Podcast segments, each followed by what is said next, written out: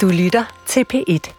Oh Lord, won't you buy me a Mercedes Benz? Why, this car is automatic. It's systematic. It's hydromatic. Why, it's greased lightning. I'm in love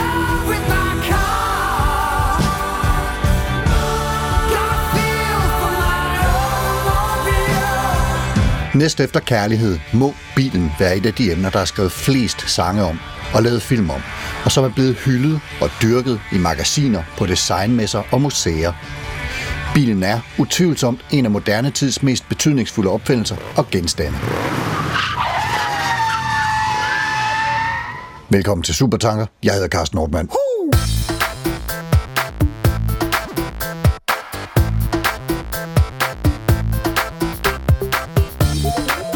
Skal vi køre på bilferie?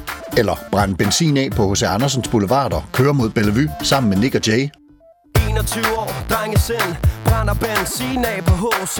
Andersens Boulevard En pige spørger om et lift, kan det cool med mig? Vi har siddet tilbage, vinduet ned, volumen op Sommerluften ind, mig og hende Vi har det godt, huden glinser Damn, det er hot, vi kører ud mod Bellevue Og solnedgang, sikkert et syn Be ready for instant action. Prepared for anything and everything. Skal vi se Danmark eller Europa gennem en bilrude? Eventuelt forruden på en cabriolet. Måske kører sted i en gammel spand, en smadrekasse, en rustbunke eller en top-tunet, super læderlækker, airconditioneret, GPS-udstyret, automatgearet luksusflyder, eller en autocamper, eller et boligindrettet rugbrød. Ned over autobanen med måske 180 i timen, ankom i Paris, Prag, Venedig tidligt om morgenen. Tjekke olien, vandet, dæktrykket, tanke benzin, diesel, el. I'm in love with my car, synger Roger Taylor i Queen, og når man kigger rundt i indkørslerne og på parkeringspladserne, er der virkelig mange udtryk for, hvor højt og hvordan folk elsker deres biler. Vasker dem, passer dem, pimper dem, og er ømme over riser og smus. Og hvordan fanden er det, den idiot kører? Nå, det er en herreløs bil. Kig dig dog for din klovn. Mange mennesker lever i og for biler og elsker æstetikken og friheden ved dem. Petersen, Poulsen, Pallesen, Pil. Lad os tage ud og køre en aftentur i Posemandens bil. Martin Særlang, professor i litteraturvidenskab og moderne kultur ved Københavns Universitet. Velkommen til dig. Tak. Hvilket transportmiddel er du kommet her til i dag? Jeg er cyklet og gået. Cyklet og gået, så ikke i bil. Hvad er dine første erindringer om at, at være i en bil, og, og måske køre en selv? Det er, øh, jeg, jeg har ikke nogen erindringer om at, at køre den selv, fordi jeg har ikke kørekort. Det har jeg aldrig haft. Jeg kommer fra familie uden kørekort. Men øh, min første erindring om at køre i bil, det er, at jeg er fem år og bliver kørt fra min forældres hjem i Nykøbing Falster op til en bondegård mellem Tisvilde og Helsinge, hvor min familie havde en bondegård. Og der blev jeg bilforsker. Jeg kan huske som femårig, der sad jeg sammen med min søster, vi sad og talte biler på vejen. Øh, der nåede sådan i løbet af en time nok at køre en 6-7 biler mellem Helsing og Tisvilde dengang. Men, men hvordan er du så blevet interesseret i biler? Altså hvis du ikke selv har kørekort og ikke øh, selv øh, går ud og, og skal kigge på en bil, som du måske er interesseret i at købe, hvad, hvad er så øh, hvad, hvad skal man sige, baggrunden, at du, øh, for det har jeg så ikke lige fået fortalt, har skrevet den her bog, Danmark set gennem en bilrude. Og hvordan er den interesse opstået? For det første er jeg en meget erfaren bilpassager, og min kone har bil, og jeg sidder gerne ved siden af hende i bilen. Øh, for det andet, så har jeg arbejdet med bykultur i 20-25 år, tror jeg, 30 år måske, og der er bilen jo simpelthen det redskab, der har været mest omformende i vores moderne bykultur. Men, men er det det, øh, at, at, at, at hvad skal man sige, den øh, indsigt eller den forskning, eller hvad vi nu skal kalde det, der, der øh, får dig til at skrive en bog om Danmark set gennem en bilrude? Det virker sådan en lille smule, øh, hvad skal man sige, modsigende i forhold til, at du faktisk ikke har kørekort. Nej, det synes jeg ikke, fordi jeg kører jo jævnligt, når jeg sidder på øh, sædet ved siden af min kone eller andre øh, gode chauffører, som jeg har kendt gennem årene. Og så er der jo også en ting, som jeg synes, at hele øh, dit musikoplæg til den her udsendelse viser, at der er jo noget enormt ansporende i alt, hvad der knytter sig til biler. Ja. Altså, man kommer jo i godt humør af at høre de sange og den musik, der bliver spillet. Mm. Fremragende. Sanne Nyland Christensen, du er radiovært øh, på P4 her i DR, og så er du øh, bilist og eventyrelsker. Velkommen til dig. Tak. Og hvilke transportmidler er du ankommet i i dag? Åh, jeg har lige øh, købt en øh, ny gammel bil, kan jeg vist godt sige. Det er sådan en øh, 40-årig øh, sag af en øh, folkevognsrobot, øh, som jeg kan sove i. Øhm, den er lidt rusten, og jeg er i gang med at sætte den i stand, men øh, den kan køre, hvis den kører rigtig hurtigt, lige omkring øh, de 80 i timen. Så er det noget om benzinslure, men altså, jeg er en snegl på vejen. Jeg skal bare, jeg skal bare ud og lufte sådan en gang imellem. Fremragende. Og dine første erindringer om at være i en bil og måske køre i en selv, hvordan ser det ud? Åh, oh, de første erindringer, det er sådan lidt ligesom Martin helt tilbage i barndommen. Mine forældre, de havde, eller min far, det var faren, der sad øh, bag rettet dengang, øh, havde en Volvo Amazone, og jeg kan huske den der En klassisk smuk bil. fuldstændig klassisk, ikke? Øh, og når vi sådan skulle ud og besøge bedsteforældrene, og hvordan den blev pakket, og hvordan vi skulle sidde pænt på bagsædet, min søster og jeg. Og der var jo sådan noget usynligt øh, NATO-pigtråd imellem os, som vi ikke kom til at rive hovederne af hinanden, og det først altså slikken og rosinerne var spist, ikke? Men ingen sikkerhedsseler på bagsædet på det tidspunkt. Ingen sikkerhedsseler på det. Øh, nej, nej, slet, slet ikke. Vi går nærmest stå på hovedet, uden der skete noget. Ja. Og hvad med at køre selv? Jeg fik øh, kørekort som 18-årig, men øh, der gik mange år, før jeg fik min egen første bil. Jeg var, øh, ligesom Martin han siger, en øh, erfaren bilpassager. Jeg har blaffet rundt øh, ja, mere end 50.000 øh, kilometer, mens jeg studerede. Det var en god måde at komme til Lissabon på, så kunne man køre i 10-12 forskellige biler på vejen ned. Men den her interesse for biler, som du så har i dag, og du har også skrevet en bog, der hedder Kvindekendt din bil, med slet skjulte referencer til Kvindekendt din krop. Mm-hmm. Jeg ved ikke, om det er en forlængelse af din krop i et eller andet omfang. Det øh, kan man måske godt få indtryk af. Øh, din interesse for biler og din øh, kærlighed til at drage ud i verden, eller ud i landet, i din bil og slå dig ned, hvor du nu når frem. Hvordan er det øh, kommet i stand? Jamen, jeg tror altid, bilen har, øh, har kunne indfri den der udlængsel og, øh, og trangen til at komme på eventyr, og både som øh, passager og senere som øh, den, der kørte selv. Og da jeg så endelig fik min egen bil, en lille møgspand af en Suzuki Wagon, som på det tidspunkt var kåret som den grimmeste bil overhovedet, der var jeg jo nødt til at kunne lave den. Altså, jeg var nødt til at kunne fikse den, fordi det er jo ret vigtigt, hvis man gerne på eventyr, at, at den kan køre. Ja. Så det var ikke et spørgsmål om, at øh, den havde mange hestekræfter, eller den havde en fed fælge, eller noget som helst. Den skulle simpelthen fungere.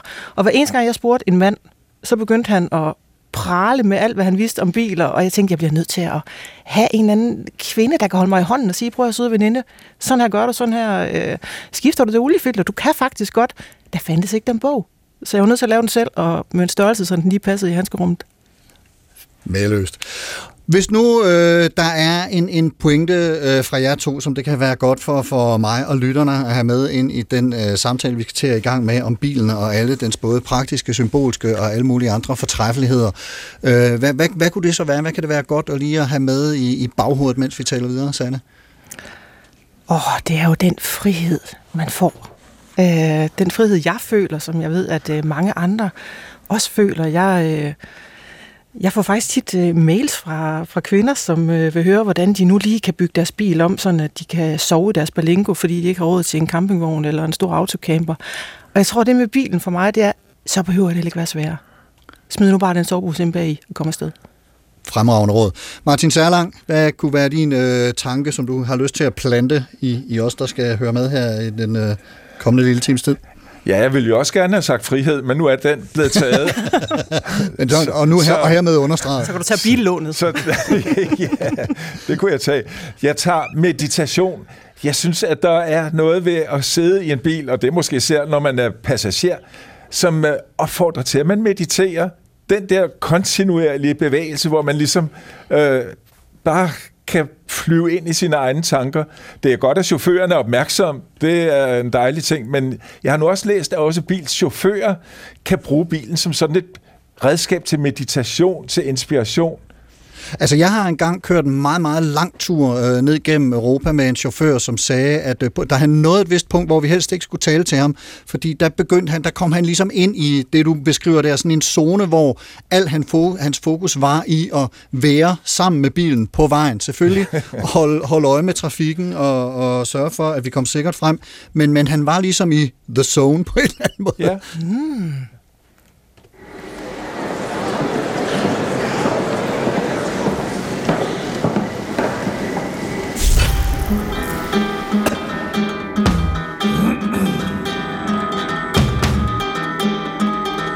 Race car yayas. The land where you can't change lanes. The land where large, fuzzy dice still hang proudly like testicles from rear view mirrors. En mand over 30 i et offentligt transportmiddel er en skændsel for nationen. Ordene er, naturligvis fristes jeg til at sige, Henry Fords. Ham med bilen. Ford, som opfandt samlebåndet, var med til at gøre bilen til allemands eje, lagde navn til begrebet Fordisme, og i eftertiden er beskæmmet af et ry som en lige rigelig antisemitisk nazi-sympatiserende forretningsmand, som satte sin forretning og indtjening over sin moral. Men altså, offentlig transport over for privatbilisme.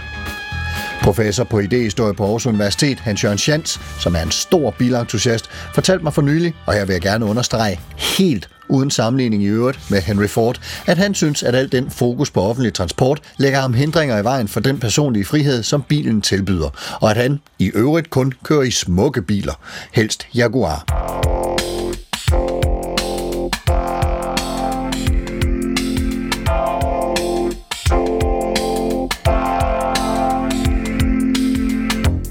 Den med friheden deler Schanz i øvrigt med den tyske filosof Theodor Adorno, som under sit eksil i USA under krigen mente, at bilen var det eneste amerikanske, der var værd at skrive om. Og som mig bekendt i øvrigt ikke har ry for hverken at være en fartdjævel eller en festabe, og altså i flere af sine skrifter kritiseret enhver form for populærkultur, noget jeg på en eller anden måde godt kan se biler som en del af.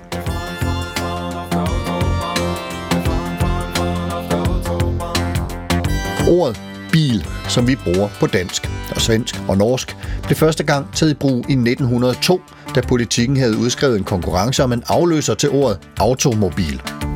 Bil bliver nogen anset for ligevel dristigt. De foretrækker ordet en tøf, men det er som bekendt endt med bil, som kommer af det græsk-latinske automobil, som betyder selvbevægelig.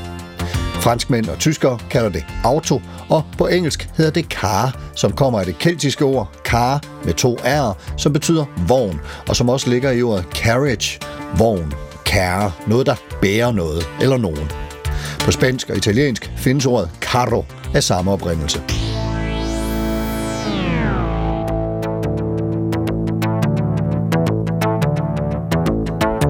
Så altså, en bil er et selvkørende motoriseret køretøj, opfundet i slutningen af det 19. århundrede, og som bliver ført af en bilist eller en chauffør. Det er jo også sjovt. Ordet chauffør er fransk og er egentlig oprindeligt en fyrbøder på et damplokomotiv. En, der varmer maskinen op til at kunne køre, jævnfører det franske ord chaud, som betyder varm. Men biler, i hvert fald de fleste, kører jo ikke på damp som sådan, men på benzin. Og det kan vi takke Alphonse Bode Rochat og Nikolaus Otto for. De opfandt firetaksprincippet og påbegyndte produktionen af motorer baseret på det i 1876. Hvem der så lavede den første bil, er der til gengæld uenighed om. Nogle mener, det var Gottlieb Daimler i 1885, andre, at det var Karl Friedrich Benz, også i 1885. Faktisk havde der været motordrevne køretøjer før da. Der var blevet eksperimenteret med en krudtmotor. Damp som drivmiddel naturligvis gas, og i 1893 kom Rudolf Diesel med et bud på at erstatte dampmaskinerne. Det lykkedes dog først rigtigt i 1897. Den første benzindrevne bil bliver tilskrevet Carl Friedrich Benz, som grundlagde Mercedes-Benz. Den var trehjulet og kom på gaden i 1886. Men det var altså amerikanske Henry Ford, manden med nedgørelsen af de offentlige transportmidler, der fik størst betydning for udbredelsen af bilen, da han omkring 1890 begyndte produktionen af biler, der var billige nok til, at alle principielt kunne komme i nærheden af dem. Noget Ford opnåede, da han opfandt samlebåndet, og derved blev i stand til at spare både tid og penge og formelig sprøjtebiler ud i det amerikanske samfund. En udvikling, som på mange måder har sat sit tydelige præg på USA og verden i forhold til infrastruktur, økonomi, klima og adskilligt andre fænomener, vi er præget af.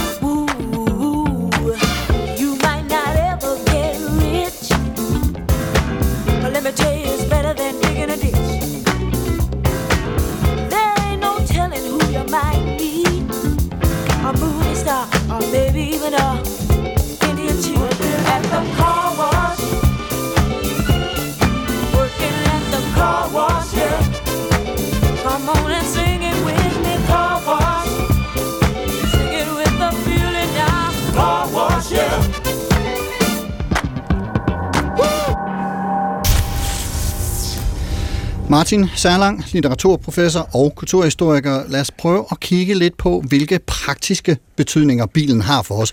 Både som transportmiddel i sig selv og, og, og som et instrument, eller hvad vi skal kalde det, som, som jo altså påvirker måden, vi indretter vores verden med veje og parkeringspladser og indkørsler i huse osv. osv.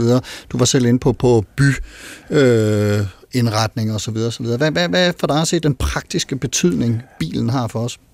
Nu var Sande lige før inde på, hvordan en bil fungerer, og man kan få den til at fungere. Og noget af det, som øh, jo har været kan man sige, kodeord i det 20. århundrede, det har været funktionalisme, at få, tingene til, få tingene til at fungere. Og bilen er på mange måder hovedinspirationen øh, til den her funktionalisme. Øh, Le Corbusier, som har, var det 20. århundredes vigtigste øh, bytænker og byarkitekt, jamen han var dybt inspireret af Ford, og han var dybt inspireret af de muligheder, som bilerne gav for arkitektur. Når han tegnede bygninger, jamen så var det sådan noget som indkørslen, det var en nøgleting. Nede i Frankrig, der er et hus, der hedder Villa Savoie, han byggede, hvor jamen, noget af det bedste, det var selvfølgelig at have en entré, hvor man kom kørende ned i sin bil og lige ind, og så kunne gå ind og, og gå ind i huset, og så nærmest i stedet for trapper have ramper, så man havde den der følelse af, at der var direkte kontinuitet. Direkte adgang fra bilen og så ind Sim- i... Ja, simpelthen. Ja, fantastisk. Men altså, man kan sige sådan et fænomen, som, som øh, vi jo har rigtig meget i dag, altså det vi kalder sovebyer eller satellitbyer, vil jo heller ikke øh, lade sig gøre uden, øh, uden biler. Nej, nemlig, og det kan man jo se altså i, i øh, 60'erne, hvor man har den her kæmpe store øh, flugt fra byerne ud til forstederne, ud til parcelhusen. Det er jo sådan en halv million danskere, der flytter i parcelhus i 60'erne og 70'erne. Jamen, det er jo med bilen. Øh, det hele, altså den er forudsætningen for, at man kan bo et sted og arbejde et andet sted. Og husene, de får jo en ny type øh, rum, der hedder en carport eller en garage. Det havde man jo ikke haft før. Så det er i høj grad bilen, der er med til at omforme landskabet. Ja, og- carport jo, som netop betyder en, en, en havn til bilen, eller en, Ja. en anlægskaj til, til bilen. Ja. Hvis man så det 1900-århundredes fine huse, jamen så var der to portløver, der tog imod. Sådan er det jo ikke i det 20. århundredes huse. Der er det carporten, der tager imod. Fantastisk. Men altså, der er jo også en forskel i, altså nu nævner du, øh, at en halv million danskere flytter i parcelhuse der i, i øh, 60'erne, og, og pludselig er der enormt mange, som får faktisk tv'et, som kommer cirka samtidig som den væsentligste kontakt til, Ja. til omverdenen. Men altså, der sker, der, der sker vel, øh, det, det er vel efter, hvad skal man sige, amerikansk inspiration eller forbillede, og nu nævnte jeg Ford, som, som øh, sprøjtede biler ud, vel primært der i 10'erne og 20'erne i USA, og pludselig så blev hele det amerikanske info og samfund ligesom rettet til efter det. Jamen altså, det sker i 1913, da samlebåndet begynder at snore. Der var Johan V. Jensen i USA. Han fortæller, at han var henne for at se Ford-fabrikkerne. Han overvejede at købe en vogn, og han sagde, da han havde set den første Ford-vogn, jeg har skudt ind i fremtiden. Og det havde han, fordi fremtiden, den blev formet af Ford. Og Ford, det rimer jo næsten på fart, som Johannes V. Jensen skrev. Ah, ja. Kort og hurtigt og nemt at huske. Og ja, altså Ford bliver en nøglefigur i hele den her omformning af landskabet, som man ser. I Amerika, der var der også en arkitekt, der hed Frank Lloyd Wright, der sagde, at vi skal ikke længere have de her tætte byer med højhuse. Vi skal have hele landskabet i spil.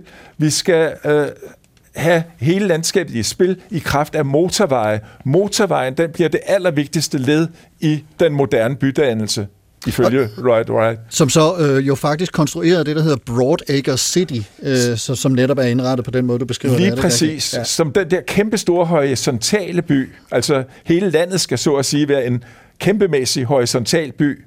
Fantastisk. Sande Nyland Christensen, radiovært og bilist eventyr. Mhm. Mm-hmm. Hvad, øh, din, din praktiske, øh, dit praktiske forhold, eller dine praktiske krav til en bil, hvordan ser det ud? Åh, oh, der skal være god plads bag i. Øhm, jeg har, øh, jeg har en dreng, som spiller, spiller golf, og øh, der var jo masser af fædre, der kørte de her knejte til, øh, til sporten gang imellem. Og de kører rundt i fine biler og Tesla og sådan noget. De der jern, de går overhovedet ikke være inde bagved. Men i min Berlingo, ikke? der kan der simpelthen stå fem sæt oprejst bag ved siden af hinanden. Og Altså så var der jo golfkarts, eller hvad? Yes, og der var selvfølgelig nogle, øh, nogle kække drenge, der så sagde, Nå, Sanne, der øh, fordoblede du så lige bilens værdi, ikke ved at få dem ind bag. men, men sådan er det jo. Rimelig håndligt der. Ja. ja. Men jeg tænker også på, altså, vi har jo det der med satellitbyer, altså vi bliver jo også understøttet her i landet, sådan rent skattemæssigt. Altså vi får kørselsfradrag for at ligge og frem og tilbage. Ja, det er jo rigtigt. Og det er jo et spørgsmål om netop at, at få folk lidt ud af, mm. af bycentrene og ud på arbejde nogle andre steder i hele landet. Og, ja. Hvis vi så skal kigge på, hvad skal man sige, bilens øh, symbolske betydning øh, for os, lad os blive hos dig, Sanne. Hvad, hvad er så øh, den ja, mentale, symbolske øh, udfoldelse af det for dig? Jamen, jeg har, jeg, altså, det er jo friheden igen. Det er det der med at føle sig uafhængig. Altså for mig, der bilen er jo er jo både mit gæsteværelse og mit sommerhus og mit øh, redskabsrum. Øh, det, der, det er vanvittigt, hvad der kan ligge i den bil. Ikke? Øh, og så er, det, så er det praktisk. Det er simpelthen så praktisk, at den kan, den kan hente de ting, jeg har brug for. Øh, jeg, kan altid, jeg kan altid slippe væk. Mm. jeg bliver aldrig hjemløs. Men du har også fortalt, at, at øh, sådan noget som en, en havudsigt fra et hotelværelse, det ville du måske ikke have råd til øh, i, i forhold til priserne på, på de værelser, der ligger sådan. Altså som Men... ene mor er det da lettere lige at slå bagsædet ned, og så folde soveposen ud, og så kan jeg, så kan jeg ligge og kigge ud over havet, når jeg skal sove. Og øh, jeg behøver ikke... Øh, booke et værelse på forhånd. Altså, der er en spontanitet i, man har bilen også. Man kan sætte sig ud i den og bare køre. Ja, du har også fortalt, at, at, at, øh, at, at, at du samtidig har lavet sådan noget med spontan beslutning fredag eftermiddag. Nu kører jeg til Paris. Og så... Øh... Ja, altså jeg vidste faktisk ikke, at jeg skulle til Paris, da jeg kørte. Det bestemte jeg mig for ned omkring øh, Hamburg. Altså det kunne både være til højre eller venstre, jeg tog. Men, men altså jeg havde nogle tæpper bag i bilen, og jeg trængte simpelthen sådan til at komme ned og spise noget baguette og drikke noget godt vin. Øh, og så suste jeg afsted i, øh, i min bil og øh, ankom til... Det var så faktisk en campingplads, jeg valgte at tjekke ind på, øh, hvor de så sagde, jamen skal du have strøm? Ah, det tror jeg så ikke lige vel. Øh, skal du have god plads til kampvognen? Det skulle jeg heller ikke. Jeg skulle heller ikke have noget telt. Jeg skulle bare lige have plads til min bil, og så et stort træ, så hvis øh, det blev for varmt inde i bilen, så kunne jeg ligge ude under træet, uden at blive våd. Fantastisk. Martin Særlang, i, i øh, forlængelse af det her, som Sanne fortæller, hvilke overvejelser vil du så få til bilens symbolske betydning for os? Perfektion. Ja. Noget af det, som kendetegner bilen, det er, at den ligesom bliver modellen for, hvad der er perfekt. Der, der, jeg kan ikke huske, hvem den kloge mand eller kvinde er, der har sagt, at det perfekte menneske, det er et menneske på jul. Og der er også et eller andet, man kan bare tage udtrykket risser i lakken. Det stammer jo fra bilen. God, ja. Og hele den der forestilling om bilen, er, at den skal være perfekt. Altså lakken, kromen, der må ikke være en risse, der må ikke være en bule. Hvis der er det, så, øh, ja, så falder værdien, som vi hørte om før. Øh, så perfektion men, men, men vi har jo også smadrekasserne og lejet lige og, og, og hvad ved jeg, som, som i nogen grad sætter en ære i og faktisk at, at køre rundt i, og, og på en eller anden måde, og det ja. bliver selvfølgelig også en symbolsk betydning, signalerer, at de er ligeglade med den der perfektion. Lige præcis, og, ja. og, og også at der er sådan et legeelement i det, ikke? Altså det kender man jo også fra Tivoli, da man får radiobilerne, de hedder jo på engelsk bumper cars, og der er ideen jo, at man kører ind i hinanden, ja. når, man, når, man, øh, når man øh, brænder dæk og sådan noget. Det er jo også, ideen er på en eller anden måde at behandle bilen som, som jeg ved ikke hvad. Ja. Øh, at, øh, og jeg har oven i købet set, at man øh, nogle steder øh, har bilboksekampe, hvor Okay. man, men det er så smad, biler, der allerede er smadrekasser, så kan man lige så godt smadre dem helt færdigt. Men er det det, man i gamle dage kaldte stock car race, eller hvad? Det som også er sådan noget, hvor man også smadrer lidt ind i hinanden efter, efter behov. Jeg tror, det er en blanding. Okay. Men, og jeg kan huske, da, da vi talte sammen øh, frem ud udsendelsen her, der nævnte du også noget omkring navnene på biler. Altså en ting er jo mærket, vi har Ford eller Citroën eller Mercedes eller hvad, men de har jo alle sammen navne, som på en eller anden måde også signalerer noget. Ja, men det... Altså, der havde jeg en øh, kollega for nogle år siden, Peter Larsen, han skrev en rigtig sjov artikel om firehjulstrækkerne i 80'erne, hvordan de havde navne som Trooper og Ramcharger og Blazer og Pajero og Prairie og Range Rover. Det var hele tiden forskning om den her firehjulstrækker, der så at sige forlader motorvejen, kører der, hvor asfalten ikke længere er lagt, er oppe i bjergene, eller ude på tundraen, eller øh, nærmest på vej ud i, i de syv oceaner.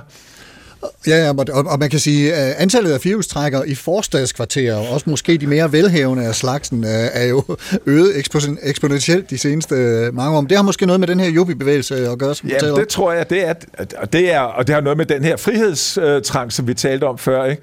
Fordi på den ene side, så er motorvejen jo billedet på tvang, altså med striber og støjvolde og hvad ved jeg, og du kan kun køre den vej. Og så på den anden side, så er bilen jo, som vi også har snakket om, den er jo simpelthen frihedsredskabet øh, redskabet par excellence.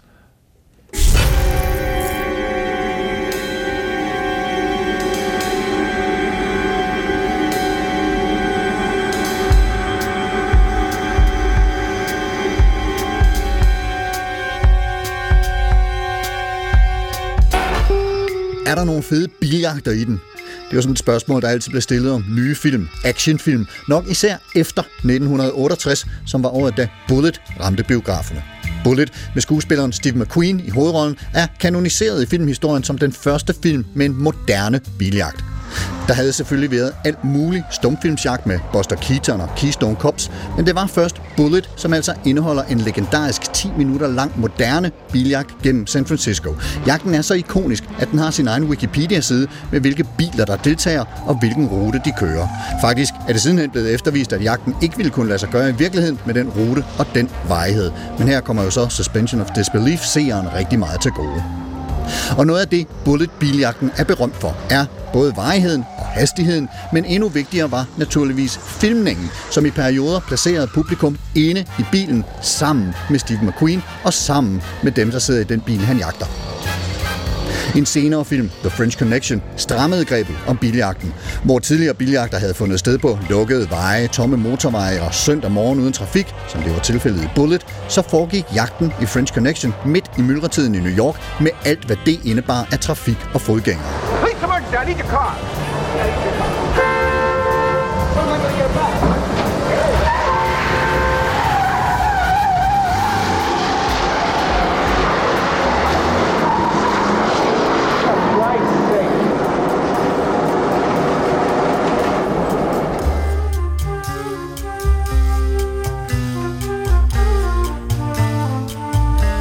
Efterhånden som biljagten er blevet videreudviklet som filmisk greb, er antallet af smadrede, gerne vildt smarte og dyre biler røget kraftigt i vejret, og vilde stunts med biler, der flyver hen over andre biler eller mellem bygninger, eller hvad ved jeg. James Bonds køretur over en snoet bro med dertilhørende bilflyvetur med twist, manden med den gyldne pistol, I've never done that before. Neither have I, actually. og Blues Brothers, som rummer både en smadre biljagt i en shopping mall, Would there be anything else? Yes, do you have a Miss Piggy?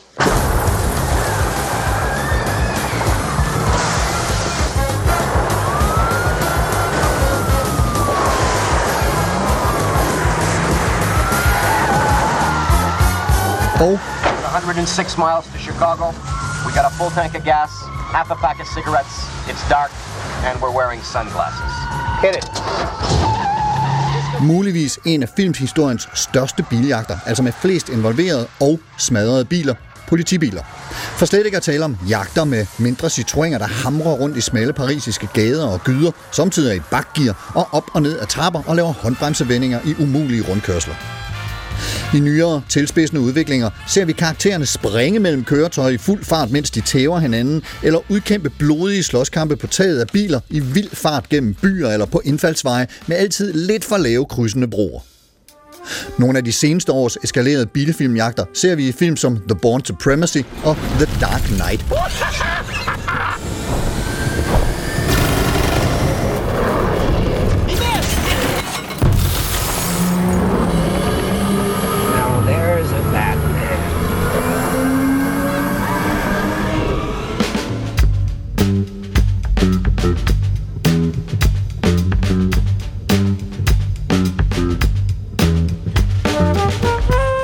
Og så skal vi jo endelig ikke glemme muligheden for selv at sidde bag rattet i en vild biljagt i et computerspil, som for eksempel Need for Speed, Grand Theft Auto og L.A. Noire.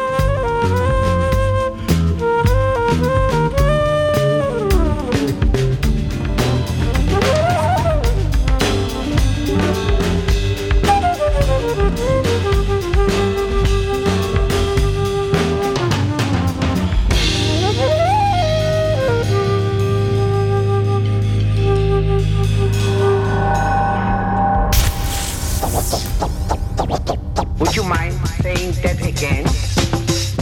Det er faktisk ikke utænkeligt, at næste efter sange om kærlighed til andre mennesker, så er sange om biler og kærlighed til biler måske de hyppigste. Bilen er i hvert fald en maskine, som både bliver tilskrevet alle mulige vidunderlige egenskaber, og så også en bunke skrækkelige. Det er en maskine, hvis praktiske, æstetiske, symbolske kvaliteter er talrige, og som sætter sit præg på meget store dele af vores omgivelser, måden vi indretter vores verden, og dermed også på, hvordan vi tænker verden omkring os, og den måde vi færdes i den. Jeg har besøg i Supertanker i dag af Sanne Nyland Christensen, som er radiovært på P4-programmet Uhørt, og som tilbringer meget store dele af, hvis ikke al sin fritid i en bil, som hun har indrettet til et rullende sommerhus, der kan transportere hende, hvorhen hun vil, hvornår hun vil, stort set. Og er Martin Særlang, professor i litteraturvidenskab og moderne kultur på Københavns Universitet, og forfatter til bogen Danmark set gennem en bilrude, som udkom i sidste uge. Og Martin Særlang har kigget ud gennem bemeldte bilrude fra passagersædet, for han har ikke kørekort. Martin, vi skal til at, at, at tale lidt om, hvordan øh, filosofien kan hjælpe os med forståelse af bilen, øh, vores forhold til den og øh, dens plads i verden. Og nu fortalte jeg tidligere om øh, min samtale med Hans-Jørgen Schantz, som øh, bilentusiast og ikke øh, synes, at det der kollektiv trafik øh, nødvendigvis er lykken. Øh, og, og, og vi var også inde på Theodor Adorno, en af de øh, store øh, tyske kritiske filosofer fra det 20. århundrede, som øh, øh, oplevet øh, bilen som, som sådan et, et frihedsmedium. Før Adorno, der har vi øh, futuristerne, øh, i, her i begyndelsen af det 20. århundrede. Og de var også glade for biler, de var i virkeligheden glade for alt, hvad der kører hurtigt. Hvad, hvad kan du fortælle om, om øh, futuristernes besøgelse af bilen? Jamen, det er jo en besøgelse, der bliver øh, meddelt i pressen. 1909, februar, der skriver Marinetti det futuristiske manifest, manifest, hvor han siger, at der er ikke noget skønnere end en øh, Bugatti. Det er meget skønnere end en græsskulptur, og han foreslår, at man simpelthen asfalterer de kanalerne i Venedig og omvandler dem til øh, vedløbsbaner. Og hastighedens skønhed, det er noget, som øh, virkelig øh, kommer til at præge det 20. århundrede, og det er selvfølgelig bilen, der er et af hovedredskaberne i at producere den her hastige skønhed, fartstriber og hvad ved jeg. Og, og lige præcis det her med hastighed, det, det kommer vi ind på øh, lidt senere.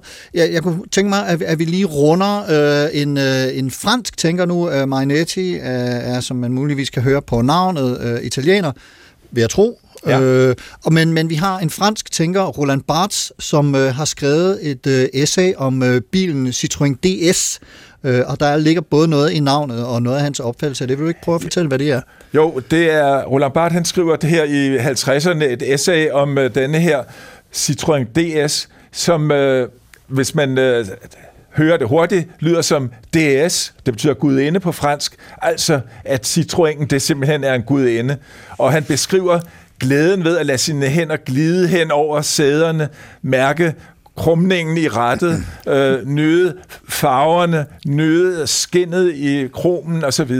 Altså det er simpelthen øh, Citroën som en øh, æstetisk genstand, et æstetisk, et kunstværk simpelthen. Og jeg har faktisk tilladt mig øh, at, at, at sakse et øh, citat. øh, Jeg har taget det fra din bog, øh, Martin Særlang, ja. men, men det er altså Roland Barthes, som skriver, den nye Citroën faldt åbenbart ned til os fra himlen, i det den fremstår som et suverænt og uforligneligt objekt. Man må ikke glemme, at objektet er det bedst mulige sendebud fra det overnaturlige. I et objekt er der både en tydelig perfektion og et fravær af oprindelse, en helhed og et skinnende objekt, en transformation af livet i det fysiske. Og som et objekt, der har sænket sig til os fra et andet univers, til at fodre vores fascination af det moderne i det 19. århundrede, såvel som vores fascination af science fiction. DS er først og fremmest en ny Nautilus som så med reference til øh, Jules Verne, øh, en verdensomsejling under havet, ikke? Ja, jo. Og så, så slutter han faktisk af med at, at tage glansen lidt af det, fordi når, når det er tilstrækkeligt antal pengesedler er glædet over disken, så forvandles den her guddommelige sæbeboble til en falden kvinde, og der skriver Bart, Objektet bliver her fuldkommen prostitueret, taget i besiddelse. Som del af Metropolis' himmel bliver gudinden i løbet af ingen tid annekteret og fuldender, fuldender i denne eksorcisme selve den småborgerlige promovering. Jeg tror, Ja. hans hustru er jaloux. Hvad, har- hvad, hvad, du, det, det er citater, jeg har fra din bog, Martin Ja. Terlang. Hvad, hvad, hvad kan vi lægge i, øh, i den her først øh, totale begejstring, og så skuffelse over, hvordan det bliver til en prostitueret i løbet af no time? Jo, men det er så at sige et, et gennemgående greb i denne her bog Mytologier, hvor han viser først, hvordan at øh, vores kultur producerer en række myter. Det kan være bilen som myte, det kan være Einsteins hjerne som myte, det kan være fransk tatar som myte, øh, det kan være foto. Altså alting øh, bliver noget, der bliver billeder på perfektion, på øh, noget, der er naturligt, noget, der er sundt osv. Så er hans idé, det er ligesom hver gang at punktere en myte og vise, at jamen, der ligger noget bagved. Det kan godt være, at citroenen ser ud, som om den kommer fra himlen, men der har medgået arbejde og politiske konflikter og hvad ved jeg bag den. Så det er hele tiden den her dobbelthed, han er fat i. På den ene side den glinsende overflade, og så på den anden side, hvad er det for en virkelighed, der ligger nedenunder? Der er jo noget meget øh, interessant øh, i, i det her med, at, at bilen er lavet af jern, krom, stål, alle mulige sådan virkelig robuste materialer, og vi, vi opfatter egentlig bilen som et ret... Øh, hvad skal man sige, sejlivet øh, objekt. Men netop den her, som, som vi også har været inde på tidligere, lille rise i lakken, eller smus på øh, fælgene, eller hvad ved jeg, så, så går man jo helt øh, i spåner over, hvor skrækkeligt det, det kan være.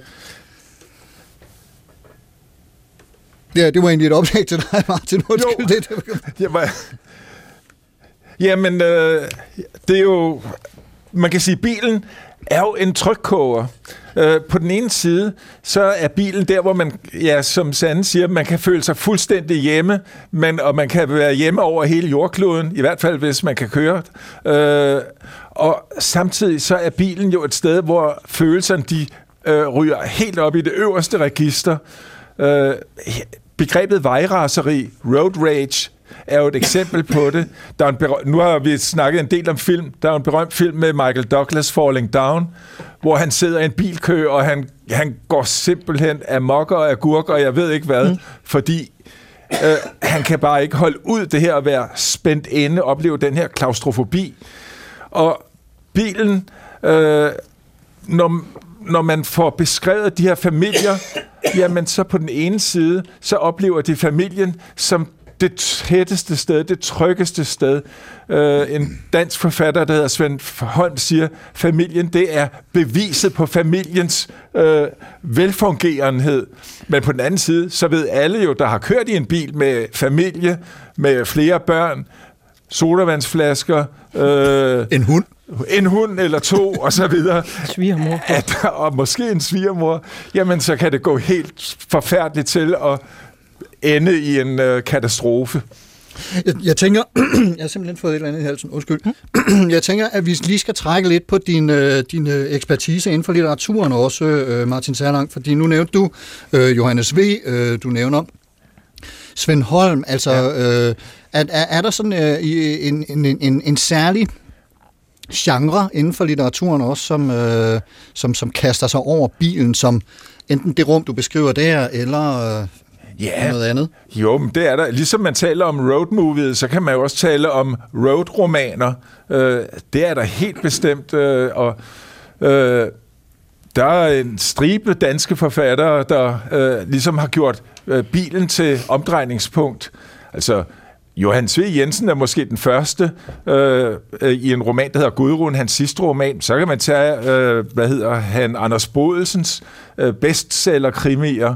Øh, et hændeligt uheld, øh, som er øh, bundet op på hans fascination af motorer, af fart, af det at køre ned ad en autobahn. Man kan gå helt op til moderne tid. Hvad hedder den aller bedst sælgende bog, der er kommet i år? Det er Stine Pilgaards Meter i sekundet, som øh, jo har fået boghandlernes gyldne pris, eller hvad den hedder, og jo handler om de 87 timer, hun måtte tage hos en kørelærer for at få det her kørekort. Ja, det er ikke noget nemt øh, kørekort. Nej, hos flere fået. forskellige, fordi hun sled dem ned. jo, hun sled dem ned, ja. Jo, og jeg tænker Christian Bang-Fosses øh, Døden kører Audi. den Døden kører Audi. Der er masser af dem. Vi skal lige vende tilbage til det her med hastigheden, øh, som, som du var inde på, øh, Martin Serlang, omkring øh, futuristerne. Ja. og der er nemlig en lidt yngre det var da utroligt. Det er, jeg tror, det er pollensæsonen, der driller Det er mig. det. Paul Virilio øh, vil jeg gerne lige øh, ind på. Han er nemlig ophav til et begreb, han kalder dromologi. Vil du prøve at, at fortælle, hvad det handler om? Det handler om fart og hastighed. Han har han er den ting... Der er jo egentlig ikke ret mange filosofer, der har skrevet om biler i det 20. århundrede, selvom den har haft så ekstremt stor betydning. Øh, men øh, han har Paul Virilio, og det han har skrevet om, det er forholdet mellem hastighed og magt, eller mobilitet og magt. Altså, den, der er hurtigst, er den, der er stærkest. Øh, den, der sidder ved rettet, er den, der øh, kører med klatten, om jeg så må sige. øh, hastighed, det er simpelthen magt, ifølge hans øh, teori, ifølge hans filosofi. Øh, sætter man sig ind i en dødstrom, jamen så øh, det, at man ligesom tør sætte sit liv på spil og så videre, jamen det er så også et, den ting, der redder en til førstepladsen, til magtpladsen. Jeg, jeg kommer til at tænke på øh, de her øh, lejre. Jeg ved egentlig virkelig ikke, hvor meget det reelt har med hastighed at gøre, men, men som øh, mange øh, første gang øh, blev bekendt med, da, da filmen Vildt Blod med James Dean kom, det her chicken, hvor, hvor øh, biler både kører om kap og også kører... Øh, hen imod hinanden, og den, der så først øh, afviger.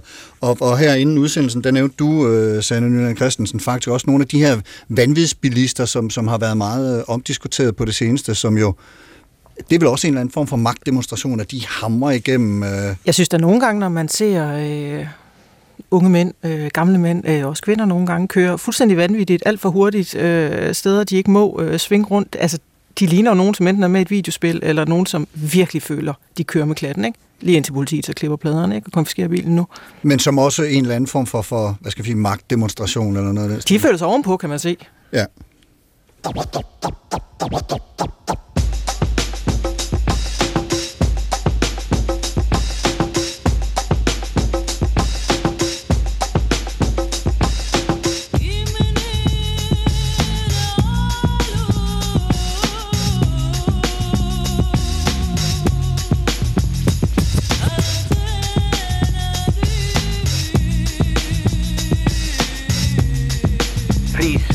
Would you mind saying that again? Thinking of a master plan. Supertanker, Sanne Nyland Christensen, Martin Serlang og Carsten Nordmann. Vi taler om biler, eller egentlig bilen, øh, som, som fænomen, frihed, symbol, æstetisk objekt, og et hav af andre betydninger, som vi også øh, tilskriver bilen. Og nu øh, står du lige øh, her i, i, i mellemrummet, øh, Sanne Nyland Christensen, og siger, at du kan enormt godt lide øh, den her Pixar-film, der hedder Biler, fordi der har bilerne personlighed. Øh, og det er jo øh, et eller andet sted også noget, vi, øh, vi gør. Vi giver bilerne navne samtidig. Og, Altså, alle mine biler har haft øh, navne. Jeg snakker også lidt til dem en gang imellem og ærer dem pænt, når øh, de har sådan snedet sig op af Kasselbakker. Øh, fordi de har personlighed. Der er mandagsmodeller, der er nogen, som øh, klarer nogle ting dårligt, der er nogen, der knirker på bestemte måder, og øh, min første hed Shrek, fordi den tog mig med på eventyr, og der var møggrim og stor og klodset. Mm. Og, og, og der er så, hvad kan man sige, i forlængelse af det er der også, og det er så det, øh, vi skal prøve at måske snakke en lille smule om her, øh, øh, mandebiler og damebiler, for nu at sige det sådan meget mm-hmm. øh, firkantet, øh, altså biler, bilen som, som et kønnet objekt, fordi det øh, traditionelt set er forbundet med testosteron. Mm. Testosteron hedder mm. det. Øh, og, og der er jo den her øh, pænt chauvinistiske vits om en herreløs bil, som er en bil med en kvinde bag rattet, øh, og så er det jo ikke godt at vide, hvordan øh, sådan en så kører. Fuldstændig øh, usmageligt at holde fast i det gamle synspunkt om, at kvinder ikke kan køre bil, men ikke desto mindre en indstilling, som også findes i nogen grad i dag. Nu ved jeg ikke, hvordan du, øh, når du er ude på eventyr, øh, Sanne, oplever sådan noget.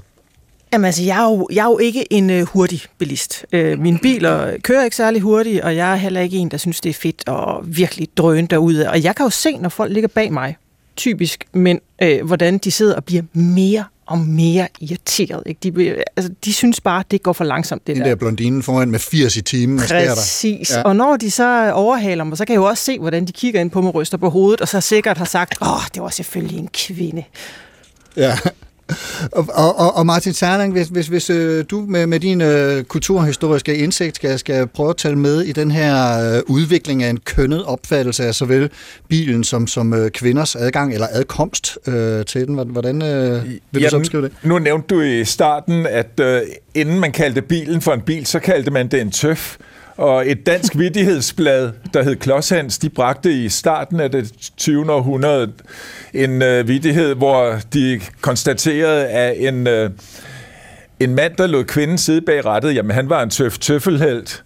Så, så, så det er sådan set en gammel historie, og det er jo interessant, at, hvad hun hedder, Lise Nørgaard, for to menneskealdre siden i 1958, jamen der får hun jo sit gennembrud som forfatter med en bog, der hedder Med mor bag rattet. Altså, og det er jo et, et vendepunkt simpelthen. Og det er meget sjovt at se, at netop her de seneste år, altså Sanne er et eksempel, øh, andre øh, øh, skribenter eksempler, en hel del forfatter eksempler på, at kvinder, de ikke bare er begyndt at øh, sætte sig bag rettet, men i allerhøjst grad også er begyndt at skrive om det. Jamen, altså, jeg kan da huske, at min mor fik kørekort. Altså, hun var forholdsvis langt op i årene. Hun havde øh, to børn, som gang imellem skulle i børnehave eller i skole. Så skulle vi på den første langtur, og min far han satte sig allernådest ved siden af og læste demonstrativt avisen for uge her. Mor, hun var bag rettet, og han havde stor tillid til hende. Så pludselig så råber han, brems! Og der er vi altså på motorvejen op mod Aalborg. Så han kunne hjælpe og klippet et stort hul i avisen, så han alligevel kunne følge med i alt, hvad der foregik på vejen. Så mere tillid havde han alligevel ikke til konen bag rettet. Men, men altså, der er jo nogen, som, som formentlig vil påstå, at, at, at bilen har den samme, mm, hvad skal vi sige, tilknytning eller æstetisk værdi for mænd, som smykker eller håndtasker har for kvinder. Er der noget om den snak, øh, Martin Sallang? Ja, det tror jeg roligt, man kan sige. Og du beskrev selv det, som jo på mange måder har været sådan et øh, næsten religiøst ritual øh, i forstederne, i de forskellige forsteder, nemlig manden, der stod og vaskede sin bil. Altså jeg kan da huske fra min egen barndom i 60'erne, når man kom ud på Villavejen, jamen så om søndagen, så stod der altid foran det ene parcelhus efter det andet en mand og vaskede sin bil. Det er måske ikke helt så udpræget mere. Øh, De får lov at køre lidt længere. Men øh, dengang, det var jo det, var jo det store smykke, der blev øh, pusset Hvad, og hvad, hvad, hvad, hvad tænker du om den øh, sammenligning, Sanne? Jeg synes, det lyder fuldstændig rigtigt, at det er sådan i hvert fald sådan, at mænd har det. Øh, jeg ved ikke, jeg synes, kvinder de tit øh, går efter praktikken i det. Jeg kan godt huske, da jeg øh, flyttede ud til forstederne, hvor kvinder for en øh, 10 år siden alle sammen skulle have en Fiat 500, fordi den var lige så pæn som håndtasken eller de fine øreringe. Nu synes jeg egentlig mere, det er fjolstrækker, de drøner rundt i, fordi der skal være nogle unger inde bag i, og der skal også være et anhængertræk, så de kan have hestetræleren, eller de kan have en cykel bagpå. Mm. Men, men, men hvad hedder det? øh, Det her med, at, at vi hvad skal man sige, tilskriver biler personlighed. Nu, øh, nu nævnte du, øh, Martin, øh, nogle af de her navne, som, som særligt firehjulstrækkerne har. Men der er jo også sådan noget omkring, øh, øh, ja, vi talte om Citroën DS'en, altså gudinden, ikke? Biler og nationer, vi har Ja. fornuftige svensker og, og nogle andre, hvad skal man sige, sådan nationale kendetegn, som, som forplanter sig til vores biler, er det ikke? Øh? Jo, jo. Eva Hemmer Hansen har skrevet om, hvordan de forskellige nationer har biler, der ligesom fortæller om dem. Amerikanerne med deres vulgære dollargrin, franskmændene med deres chique og fashionable øh, biler, italienerne med deres hurtige, rappe fjatter, øh, svenskerne med deres fornuftige øh, Ja, og Volvo. Og så videre. Så jo, der er, og, det, og så går det jo videre ned. Så, øh, Sanne skriver i sin bog om, at biler er trillende selvportrætter. Men de er jo ikke bare selvportrætter, de, de bliver jo netop også til personligheder. Altså når øh, Paul Henningsen han kørte rundt i 30'erne for at lave Danmarksfilmen, så kørte han rundt i en, i en øh, bil, som han kaldte Prut-Sofie. Okay. Så, og, og det, øh, i moderne tid, så vil jeg tro, der er en hel del ældre, der, der bliver kaldt for Elvis eller lignende. Ja, det er det garanteret. Men de siger jo også noget om, hvem vi er, når vi sådan stiger ud af bilen. Altså, jeg har, som jeg har nævnt, øh, kørt i en Balingo, og der vil jeg da godt forbindes med en, som øh, tager en forholdet. Ja. For pæn er den ikke? Du har også fortalt faktisk, øh, og den kan vi måske lige slutte på her, en, en, en øh, sjov historie om, hvordan din øh, eksmand kørte børnene til fodbold i sådan en Suzuki Wagon, som oh. Jo er, Ja. hvis jeg må sige det, næsten mere kikset end Balengo. At det Eller var, hvad? han følte sig nærmest kastreret hver eneste gang. Men jeg vil sige, når han tog den ud, og de andre øh, mænd, de steg ud af deres, øh, deres Tesla'er og alle deres andre smarte, hurtige biler, så sagde han, at at når han kom hjem, at han, han tænkte, når han stod ud, så kiggede de på ham. Og så måtte han alligevel, han måtte virkelig have en, han må virkelig have store balls, ikke, når han øh, turde køre i lige præcis den bil. Så han tænkte også, at den var så grim, at de alligevel tænkte, at han må have styr på et eller andet, siden han tør det der. At der var simpelthen så meget power i ham, at han kunne godt køre i den der skramlekasse der. Ja, ja, altså man kan godt have et ego, der er stort nok til at køre en grim bil. Sanne og Martin og Supertanker, vi er i land om et par minutter, men vanen tro, så skal vi lige høre et par anbefalinger fra jer to til, hvor lytterne kan gå hen, hvis de vil undersøge nogle af de her tanker nærmere. Og øh, Sanne, din øh, anbefaling, det er, øh, jeg tror godt, vi kan kalde det en filmklassiker. Vil du ikke øh, fortælle, hvad det er, øh, du vil anbefale, så Jeg tror, jeg kan sige Selma og Louise hver eneste dag, hvis det skulle være. Øhm, den er simpelthen så meget indbegreb af frihed med to dejlige damer, der sætter sig ind i en øh, bil og så drøner ja, hen over USA. De Men det er oplever en en masse flugt, det er en flugt, øh, Ja, i Men det kan bilen jo også. Ja. Den kan jo tage en mand, og lokummet brænder, og øh, man kan stikke af i den. Det går så helt galt til sidst, ikke? Det, man kan også sige det der, at de opnår den ultimative frihed, når de øh, kører ud over kanten. Men, Ja, men bilen hjælper dem. Det må man sige, det gør. Det er, det er jo en road movie øh, om nogen, og, og, og der er en af, hvad skal man sige, moderne tids øh, mere kanoniseret eller hyldede. Og så er det bare nogle dejlige billeder, ikke? Og det er jo lige præcis det, man kan i en bil. Man kan ud og strække øjne. 30 år gammel er den. 1991. Så, øh, Den holder endnu. Ja, det må man sige. Ja, det er faktisk heller ikke så længe siden, jeg så den. Det er, det er en fremragende, fremragende film.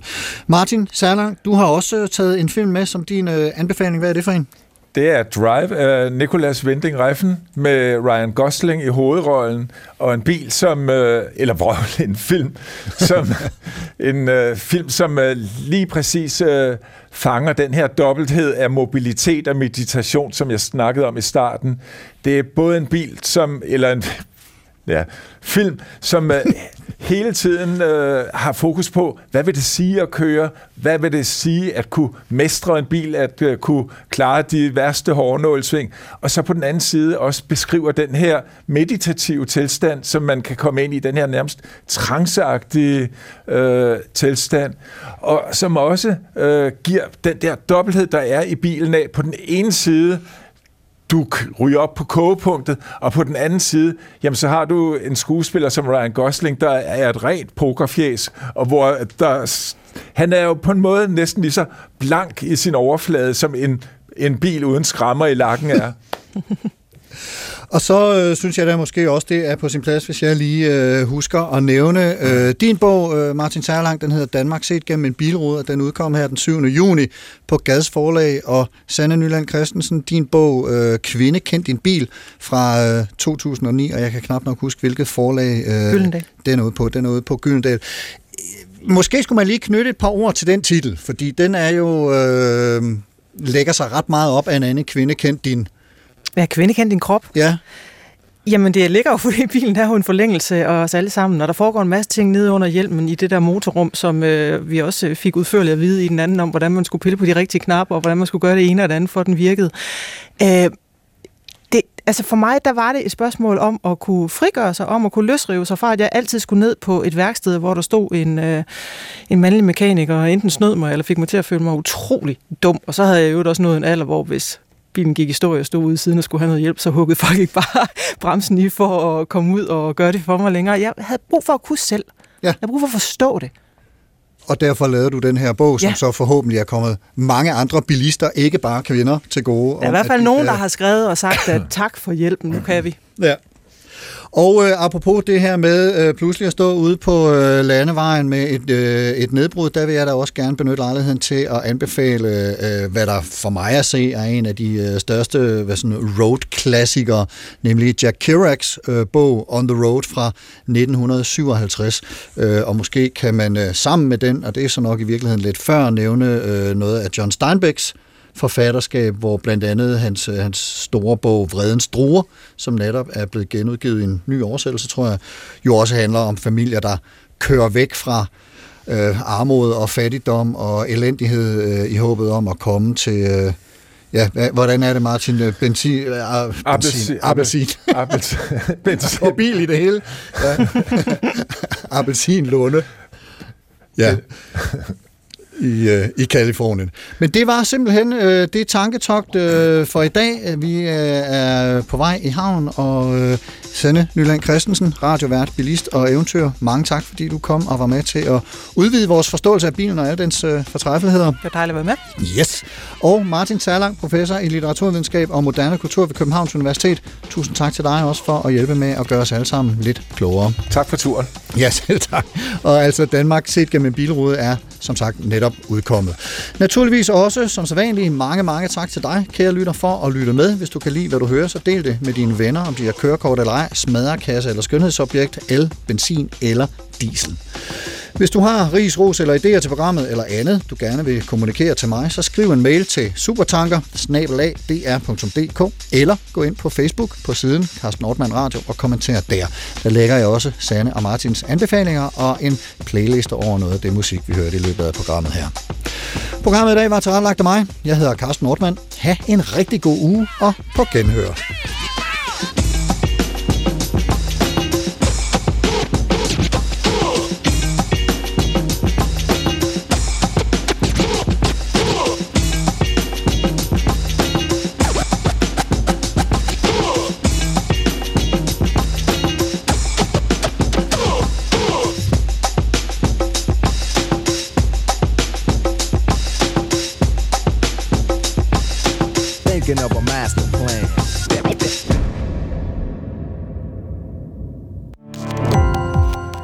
Gå på opdagelse i alle DR's podcast og radioprogrammer. I appen DR Lyd.